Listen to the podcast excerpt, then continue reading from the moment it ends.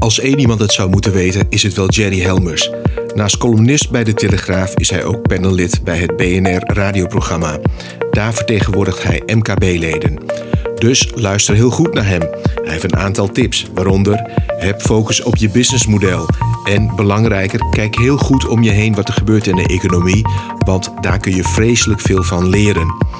Helaas zit er een brom in de eerste 10 tot 12 minuten van deze podcast. Dat kwam omdat er een vrachtwagen buiten stond te ronken. Ik had het helaas niet voorzien. Mijn excuses daarvoor. Maar desondanks wens ik je heel veel luisterplezier.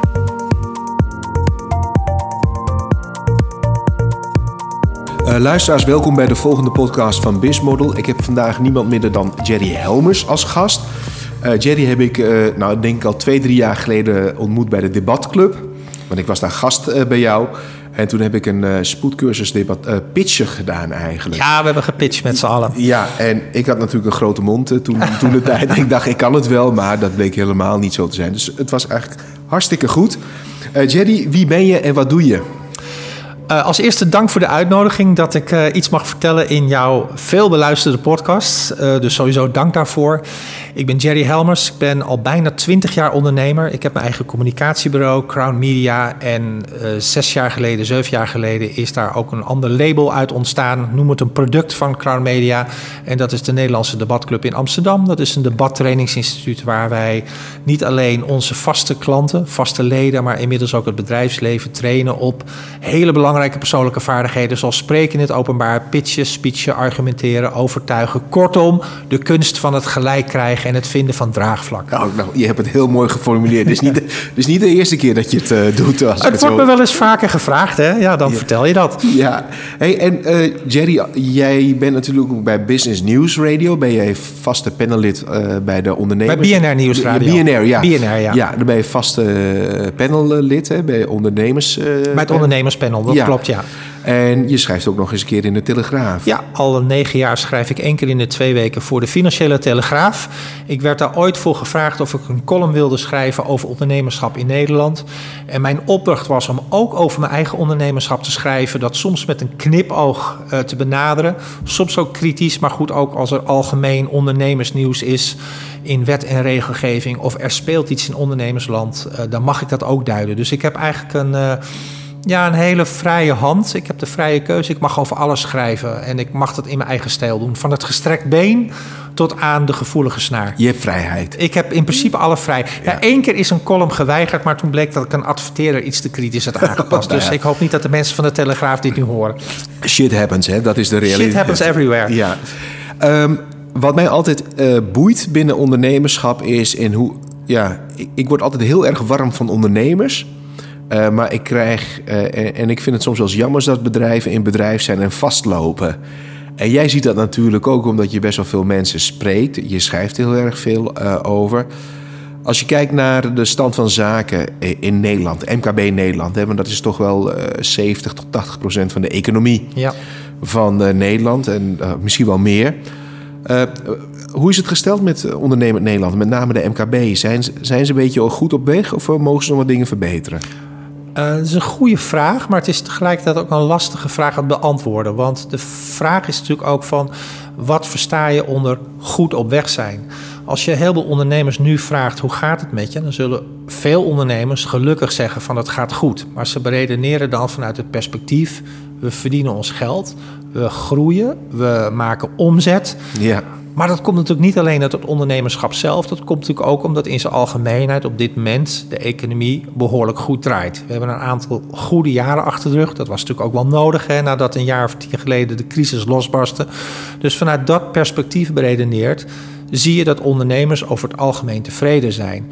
Maar wat ik tegelijkertijd ook zie, je hebt gelijk, ik spreek veel ondernemers, ook vanuit mijn communicatiebureau, is dat veel ondernemers ook niet altijd weten welke richting ze nou op willen of opgaan. Als ik aan ondernemers vraag, wat is nou de belangrijkste ontwikkeling of de belangrijkste trend in jouw branche, dan moeten ze daar eigenlijk heel erg lang over nadenken. Vind je dat dan zorgelijk als ze daar lang over moeten nadenken? Nou, het is in die zin zorgelijk uh, voor de ondernemers zelf. Want realiseert hij zich wel dat hij het met zo'n vraag of het niet kunnen geven van zo'n antwoord tegelijkertijd heeft over de legitimiteit van zijn eigen bestaansrecht. En het valt mij dus op dat ondernemers vaak niet weten wat er op macroniveau speelt en hoe dat invloed kan hebben op de eigen businessmodellen. En ze weten daar dus ook niet hoe ze hun eigen organisatie moeten inrichten. Je ziet dus dat ondernemers nog heel veel in de waan van de dag of in de waan van de week zitten en op de een of andere manier niet altijd in staat zijn om daar even uit te stappen en daadwerkelijk na te denken over van waar sta ik over vijf jaar? En ik zit het hier natuurlijk ook heel makkelijk te vertellen in jouw podcast. Want uiteindelijk heb ik zelf als ondernemer natuurlijk ook die uitdagingen. Dus Absoluut. ik herken het Ja. ook dat je in de waan van de dag zit. Ik snap het ook wel dat als je een grote klant binnenhaalt... en meteen moet daar van alles en nog wat voor gedaan worden... dat je eventjes geen tijd hebt om aan die strategie voor de toekomst te denken.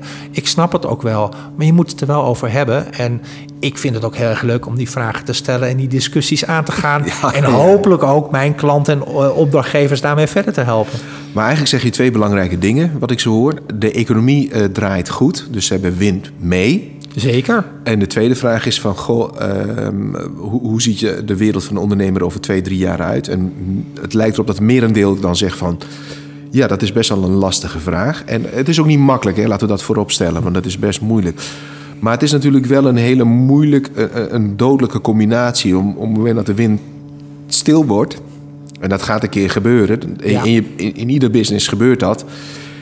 Ja, dan moet je wel antwoorden hebben. Of dan moet je wel eigenlijk eh, iets neer kunnen zetten. Waardoor je toch mee kunt. En ik, zeg, ik, ik heb nu ook als eh, slogan, heb ik onlangs op eh, internet eh, of op LinkedIn gezegd. Ik zeg, je hoort heel vaak van als het economisch slecht gaat, moet je alle zeilen bijzetten. Ik zeg, nou, volgens mij help ik jou eerst even naar de weerberichten kijken. Dat is veel makkelijker. Dan weet je waar je naartoe moet varen. Nee, maar dat klopt. De vraag is ook inderdaad van wat is je strategie? En ik vergelijk het in die zin ook altijd met debatteren.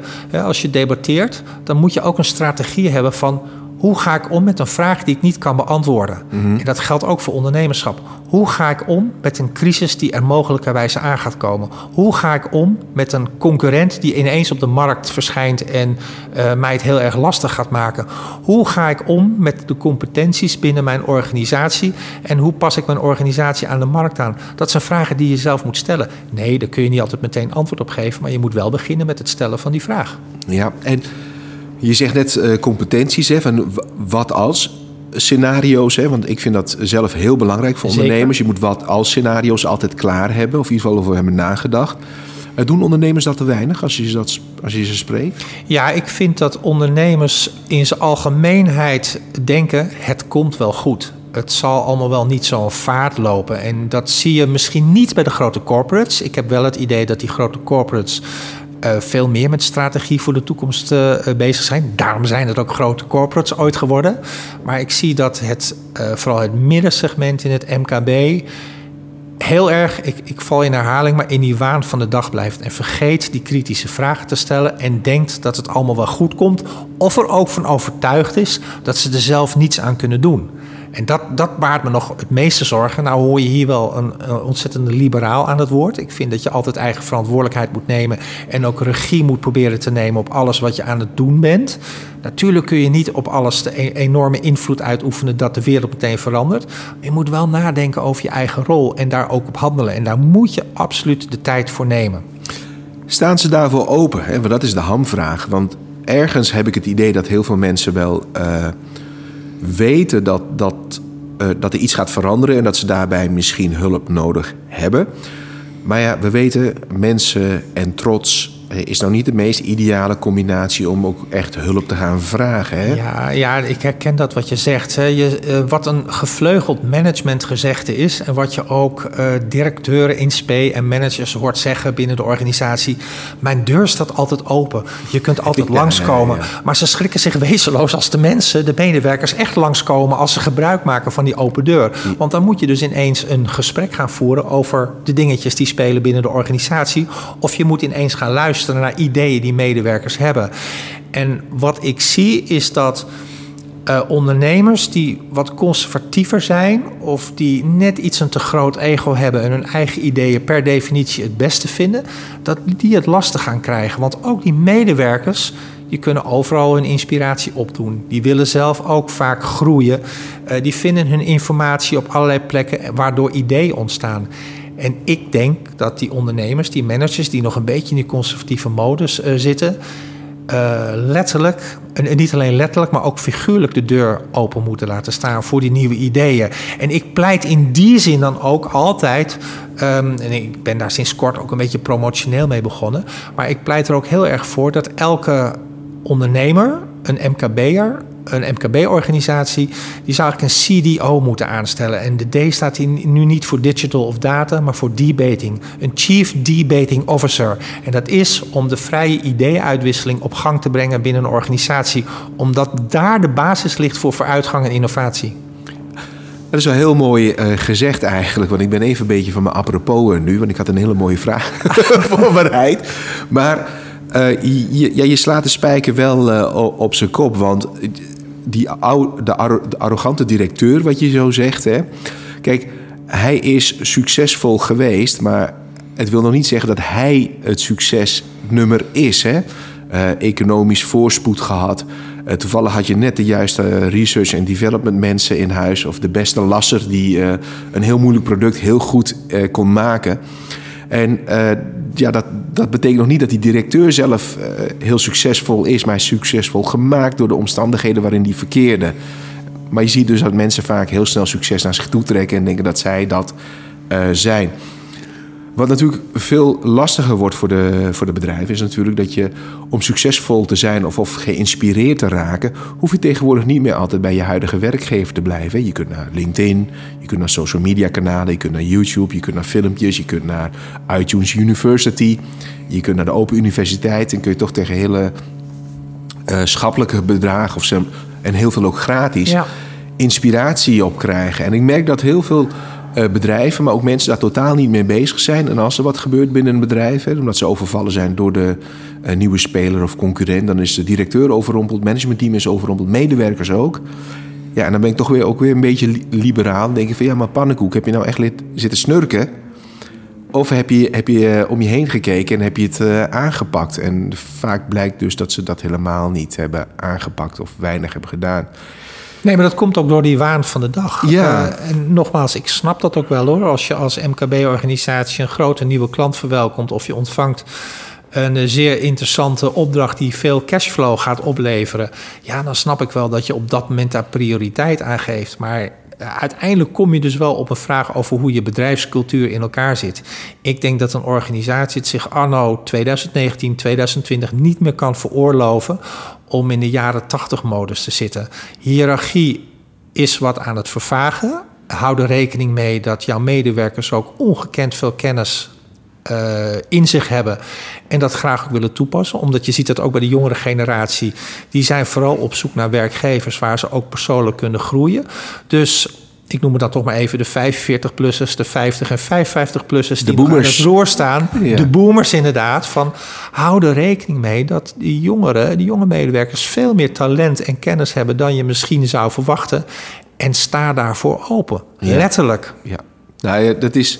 Je moet er inderdaad letterlijk voor openstaan. Maar ja, goed, als je uit een wereld komt of je bent zo in een, in een situatie opgegroeid waar dat lastig Klopt. is, of waar dat niet, waar dat niet hoefde. Hè? Eens. In de oude economie hoefde je niet open te staan, want de, je kon de markt dicteren of je verdienmodel ging 10 of 15 jaar mee. Nou ja, die tijden zijn allemaal voorbij, dat weten we ook. Nee, want als je ook ziet, als je het met bedrijven hebt over de vraag of je met concurrenten zou willen samenwerken, dan zie je dat bij jongere ondernemers dat die daar veel meer open voor staan, omdat die beredeneren vanuit kansen, groei en zelfs ook persoonlijk welzijn, omdat ze mooie projecten voor elkaar krijgen. Precies. Maar je ziet bij de relatief wat oudere ondernemers, zonder overigens een waardeoordeel aan hun te geven, hoor, want het zijn natuurlijk ook mensen die fantastische dingen hebben opgebouwd. Maar je ziet bij de oudere ondernemers dat die dat nog wel een hele gekke vraag vinden. Hè? Zou je met je concurrent willen Ja, dat, samenwerken? doe je, dat doe je nooit. Dat, Dat, eh, dat doe je niet. Maar ik denk dat we nu naar een periode gaan waarin het soms heel commercieel rendementvol kan zijn om daar wel eens over na te denken. Klopt, de Panasonic die werkt, eh, of eh, Panasonic, eh, ik moet het over Tesla hebben. Tesla. Ja, Tesla die heeft een grootste partner is Panasonic batterijen. Er zitten Panasonic batterijen in een Tesla. Dat is hun grootste partner. Maar zonder Panasonic had Tesla het niet gered. Nee. Dus zo zie je maar dat je soms hele strategische samenwerkingen moet aangaan. Bol.com was nergens zonder eh, PostNL en al die pakketjesbezorger. Tenzij je in staat bent om zelf pakketjesbezorger te worden. Maar goed, die kans is nog eh, eh, relatief klein. Als je als ondernemers ehm, kijken naar uh, de toekomst, hè, 2020 komt eraan. Hè, zie jij bepaalde elementen waarvan je denkt van hé, hey, dat gaat. Uh, daar zijn ze wel mee bezig, dat, gaan, dat gaat veranderen. Of kunnen ze dingen in 2020 veranderen, verwachten die, die hun voorspoed kan brengen, maar ook tegenspoed? Nou, uiteraard ben je wel afhankelijk van hoe het macro-economisch gaat. Hè? We, zitten nu, we nemen deze podcast op op een dag waarin er toch wel wat onzekerheid is over uh, diverse wet- en regelgeving. Ja. We hebben het over stikstofproblematiek, uh, klimaat- en milieuuitdagingen, waardoor toch een aantal dingen dreigt stil te vallen in Nederland. En ik snap heel goed dat ondernemers daar direct niet iets aan kunnen doen. Je bent uiteindelijk afhankelijk van macro-economische factoren. Maar dat mag je er niet van weerhouden om uh, vooruit te blijven kijken. Dus voorkom dat je achterover gaat hangen en denkt van ja, uh, ik kruip in de slachtofferrol en ik wacht wel af ja. en ik ga iedereen de schuld geven van het feit dat het volgend jaar misschien met mijn organisatie misgaat. Dat is het niet. Ik denk, als je, uh, want dat is je vraag van waar moeten ondernemers in 2020 rekening mee houden. Um, dat je niet de focus moet hebben op harder werken, maar op slimmer werken. Dat je veel meer moet gaan nadenken over je eigen businessmodel, veel kritischer moet zijn naar je eigen rendement en veel meer de ogen open houden wat er in jouw branche speelt en wat daar buiten speelt. Want daar kun je ook de inspiratie vandaan halen. Ik denk dat dat belangrijker dan ooit gaat worden om met die focus je ondernemerschap en dus je bedrijfsvoering en je continuïteit invulling te geven. Ondernemers hebben nog heel wat huiswerk te doen de komende maanden. Als ja, maar het is, zo, leuk, het is leuk. Huis. Vroeger is, op school vond je huiswerk nooit leuk. Maar dit is maar leuk. Dit is echt ontzettend leuk huiswerk. Ja, dit is absoluut leuk huiswerk. Ja, ja dus absoluut mee eens. Dus uh, uh, ik zou zeggen, ook mijn tip is... Um, lees minimaal 8 tot 12 managementboeken per, per jaar. En niet die zes of vier die je meeneemt op vakantie. En neem Mag ik daar een tip aan toevoegen? Ja. Maak ook aantekeningen in dat managementboek. Of je nou een e-book leest of een echt fysiek boek. Bij Ja. een fysiek boek pak je een pen en een, een marker pak je erbij. En in een e-book kun je het allemaal keurig aangeven door uh, dingen te highlighten. Dat je die mooie quotes die je vaak terugziet in een managementboek... Uh, is makkelijk kan terugvinden. Uh, en dat zijn natuurlijk ook de puntjes die inspireren. Klopt, je hebt van die hele handige transparante post-its, ja. uh, markertjes bij de ja. HEMA, die gebruik ik altijd. Die kun je ook, uh, in plaats van met een stift, kun je gewoon op de teksten plakken of aan de zijkant. En het staat natuurlijk ook interessant om al die boeken in je kast te hebben Absoluut. met al die markertjes ertussen. Hè? Absoluut. Mag ik nog uh, over jouw laatste project iets vragen? Je bent met iets heel leuks bezig, want je bent natuurlijk een fantastische debater, weet ik. Ah, debate ik doe mijn best. Ja, je doet je... Maar je bent bezig met een boek dat er misschien ah, daar wil je het over hebben. Ja, ja. oké. Okay, nu gaat het. Mag, mag ik dat uh, ja, natuurlijk. van de sluier oplichten? Natuurlijk, nee. Nu ga je de druk wel opvoeren. Nee, ik ben inderdaad een boek aan het schrijven. Een uitgever is geïnteresseerd. Uh, het boek gaat over de vraag hoe je draagvlak creëert binnen organisaties. Ik heb daar een model voor ontwikkeld. Dat zijn de 13 D's van draagvlak. Ik ga ze niet allemaal noemen, maar je kunt natuurlijk wel raden dat je het dan hebt over de diagnose, de definitiebepaling, doelstellingen. En niet alles verklappen. Nee, en uiteindelijk kom je ook op, uh, op een debat binnen de organisatie. Maar het is een stappenplan. Um, dat je kunt volgen om er zeker van te zijn dat de kans zo groot mogelijk is om draagvlak te creëren voor je fantastische ideeën, plannen en uh, visies die je hebt op de toekomst van jouw bedrijf of organisatie. En mijn hoop is erop gevestigd dat ik dat in het voorjaar van 2020 daadwerkelijk mag uitgeven. Maar als je het hebt over bevalling, het is uiteindelijk een bevalling, want ook ik zit uh, toch regelmatig in de waan van de dag. Ja. En ik moet daar ook tijd voor creëren om daar steeds een stukje verder aan te schrijven. Nou, het lijkt me hartstikke leuk op het moment dat het af is dat we elkaar nog een keer gaan spreken, Jerry. Maar dat doen we sowieso voor de tijd nog Zeker wel. weten. Ja, maar in ieder geval bedankt voor je tijd en aandacht. En dat je even mee wou werken aan deze korte podcast. Nou ja, kort is bijna 18 minuten. Dus genoeg stof om over na te denken tijdens je treinreis of autorit. Ja. Dus, uh, en mocht je het helemaal niet weten, dan kun je ons gewoon bellen. Hè? Je kunt Jerry Helmers kun je op LinkedIn vinden. Darminder Bihari kun je ook op LinkedIn vinden. Crownmedia.nl, bismodel.com. En laat een berichtje achter en laat even weten wat je ervan vindt. En, uh, en als je ons nodig hebt, wij zijn er voor jullie. Beste ondernemers, het gaat je goed. Dankjewel voor het luisteren.